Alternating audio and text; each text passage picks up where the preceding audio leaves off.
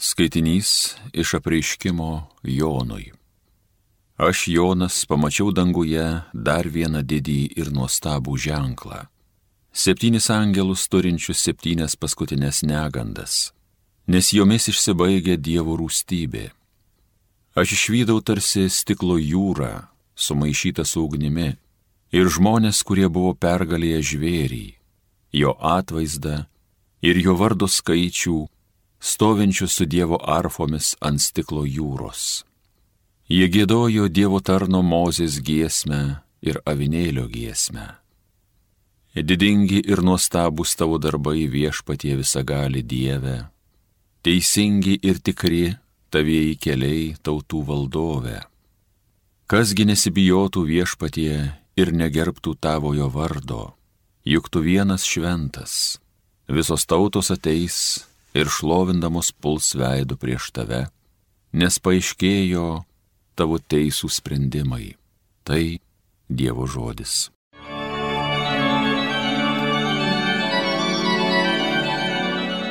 Didingi ir stebėtini tavo darbai viešpatie visagali Dieve. Naują giesmę gėdokite viešpačiui, nuostabius darbus jis daro, jo dešinė visagali, jo šventoji ranka pergalės skina.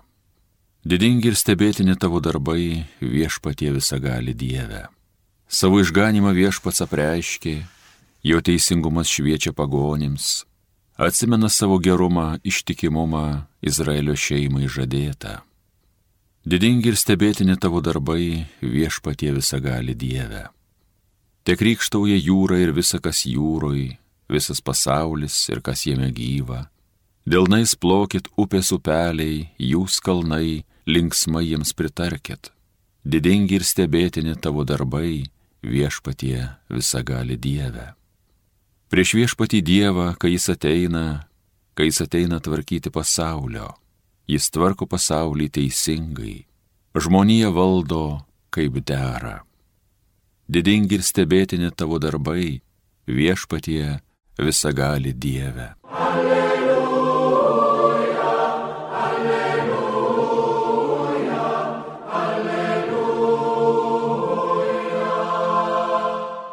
Būk ištikimas iki mirties, sako viešpats, ir aš tau duosiu gyvenimo vainiką.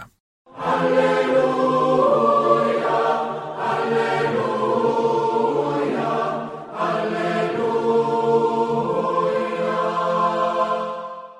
Iš Evangelijos pagal šventąjį Luką Jėzus sako savo mokiniams, žmonės pakels prieš jūs rankas ir ims jūs persekioti Dėl mano vardo tasys jūs po sinagogas ir kalėjimus, vedžios pas karalius ir valdytojus. Tada jums bus proga liūdite. Taigi įsidėkite savo į širdis, iš anksto negalvoti, kaip ginsitės.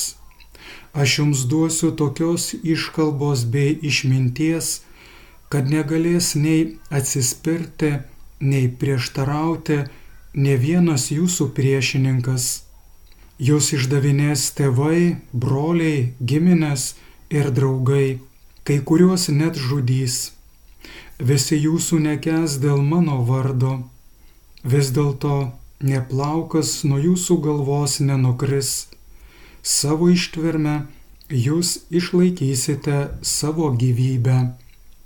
Tai viešpaties žodis.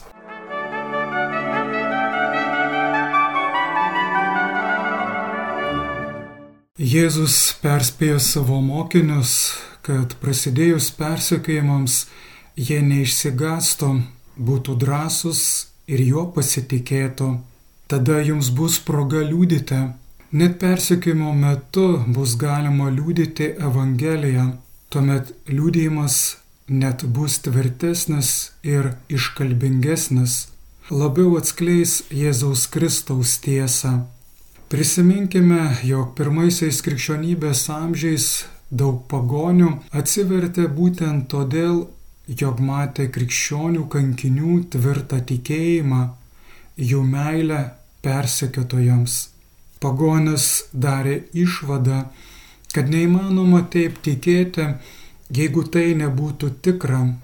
Todėl daugelis iš jų atsivertė ir įtikėjo, kad Jėzus Kristus yra viešpats ir kad jis yra prisikėlęs. Drasus krikščionių liudėjimas versdavo žmonės susimastyti, panašiai kaip išeimo knygoje, Egipto kerėtojai, matydami Mozės ir Arono drąsą ir daromus ženklus, su nuostaba sakė, tai Dievo pirštas. Krikščionių kankinių ištvermė būdavo ir yra skambesnis liūdėjimas už pačius iškalbingiausius pamokslininkus. Taigi tarpinis laikas tarp Kristaus prisikelimo ir antrojo jo ateimo istorijos pabaigoje yra skirtas liūdyti.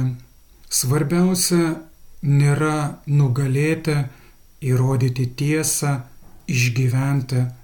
Svarbiausia yra gebėti liūdėti teologinės darybės, tikėjimą, viltį ir meilę kiekvienoje gyvenimo situacijoje.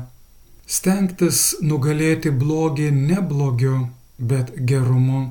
Pirmajame Petro laiške sakoma, bet tai darykite švelniai ir atsargiai, turėdami gryną sąžinę, kad šmeižintis jūsų gerą elgesį Kristuje liktų sugėdinti dėl to, už ką jūs šmeižia.